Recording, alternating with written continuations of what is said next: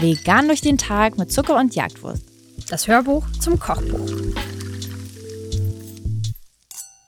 Na, seid ihr alle auf der Suche nach einem Rezept, mit dem ihr wirklich jeden Ort, an dem ihr esst, vollkrümeln könnt? Dann ist dieses Rezept perfekt für euch. Wer kennt's nicht? Ich habe so auch mal so ein Rezept viel Alles zu ordentlich dreckig hinterlassen. Wenn ihr Perfekt dieses für Rezept, die Autorückbank. Oh ja. Perfekt für im Bett essen. Oh ja. Oh. Im Taxi. Auch Taxifahrer lieben Lieben diesen das. Trick. Ja, also wenn ihr das essen wollt, sucht euch irgendwie, ich weiß nicht. Wahrscheinlich hängt man sich dann eher über so eine, übers, übers Waschbecken, um das zu essen, oder hält die ganze Zeit so richtig unwürdig einen Teller unter seinem, unter seinem Arm. Das finde ich Es ist richtig, schwierig zu ähm, essen, muss man sagen. Unangenehm, wenn man unter so einer kleinen Sache, so einem kleinen Teilchen noch einen Teller halten muss. Ja, Würde aber ich lieber ja. rausgehen. Lieber aus dem Fenster essen. Ja, lieber aus dem Fenster essen, über eine Spüle essen oder so, als dass man die ganze Zeit so einen Teller. Das ist richtig ehrenlos irgendwie. Das ist gar nicht gemütlich. Nee, auf jeden Fall nicht. Oder ihr holt einfach euren Handstaubsauger raus und saugt die Permanent. permanent die Krümel weg. Ja, das gibt es doch, wenn man zum Beispiel äh, ein Loch in die Wand bohrt. Ja, dann da hält man da doch auch. Wow, das ist richtig unromantisch zu essen. Solltet ihr das mit der Quarktasche machen? Wenn man zusammen isst. Ah Gott. Naja. Eigentlich, eigentlich spricht es ja für das Rezept. Wenn irgendwas sehr knusprig ist und der Teig schön krümelt, dann spricht es ja eigentlich dazu, dass eine Backware sehr frisch ist und dass der Teig sehr kross geworden ist. Das ist ja eigentlich was sehr Positives. Das klingt jetzt sehr negativ und aufwendig, aber ihr könnt doch einfach die Krümel in Kauf nehmen. Da muss danach halt mal durchgesaugt werden, mal geputzt werden oder ihr verärgert den Taxifahrer. Das ist dann halt so. Das kann man ja auch einfach hinnehmen und auf den Staubsauger verzichten.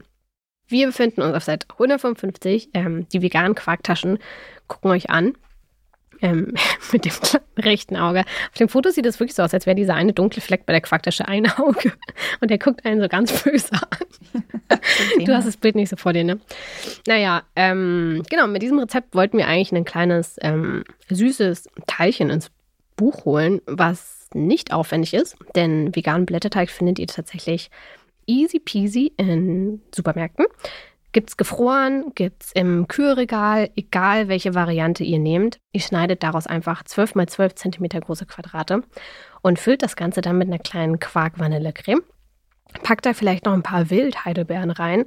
Wir haben hier die Variante genommen aus dem Glas. Das findet ihr nämlich das ganze Jahr über, sodass dieses Rezept eigentlich nicht unbedingt ein Sommerrezept ist, auch kein Winterrezept ist. Ihr könnt es eigentlich je nach Saison füllen mit was auch immer ihr wollt. Am besten nehmt ihr aber nichts, was sehr viel Flüssigkeit verliert beim Backen.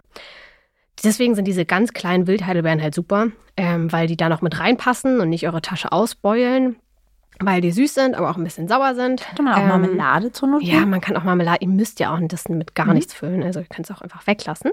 Aber wir mochten so ein bisschen die fruchtige Note darin. Und dann, wenn ihr beides vorbereitet habt, ihr habt eure Quarkcreme, ihr habt eure Früchtchen und ihr habt den Teig schon zugeschnitten, dann geht super schnell, denn dann schiebt ihr einfach nur die Quarktaschen für 10 bis 12 Minuten in den Ofen. Und äh, fertig ist die Sache. Es gibt aber eine kleine Technik, die ich euch gerne noch erklären wollen würde. Ihr habt ja den Teig vor euch, ihr habt das Quadrat vor euch, stellt es euch mal vor. Und dann macht ihr da so ein bisschen Quark in die Mitte. Und dann müsst ihr alle Laschen, also alle Ecken von eurem Quadrat, aufeinander drücken, damit diese Tasche gut hält. Und wenn ich sage, ihr müsst die aufeinander drücken und wirklich da ein bisschen Kraft drauf geben, dann meine ich das. Weil wenn ihr die nur so ein bisschen aneinander pappt, dann platzen die euch tatsächlich beim Backen wieder auf. Deswegen achtet darauf, dass ihr vielleicht euren Zeigefinger unter diese vier Laschen packt und oben euren Daumen drauf und wirklich fest zusammendrücken. Das ist wirklich das A und O, ansonsten platzen euch diese Taschen auf. Deswegen nehmt euch da vielleicht eine Minute für Zeit, damit ihr die wirklich alle fest drückt. Dann platzen die euch nicht auf, dann habt ihr richtig schöne Teigtaschen. Und dann Eine das. Zubereitungszeit von 30 Minuten, da haben wir eigentlich 10 Minuten mit einkalkuliert, in denen ihr die kleinen Laschen zusammendrückt. Ganz, Richtig. ganz fest. Das ist das Einzige, wo ihr wirklich drauf achten müsst. Der Rest ist wirklich ganz egal. Und wenn ihr richtig faul seid, dann könnt ihr euch auch einfach einen fertigen Vanillepudding oder so kaufen im Supermarkt und den da reingeben. Also auch das funktioniert.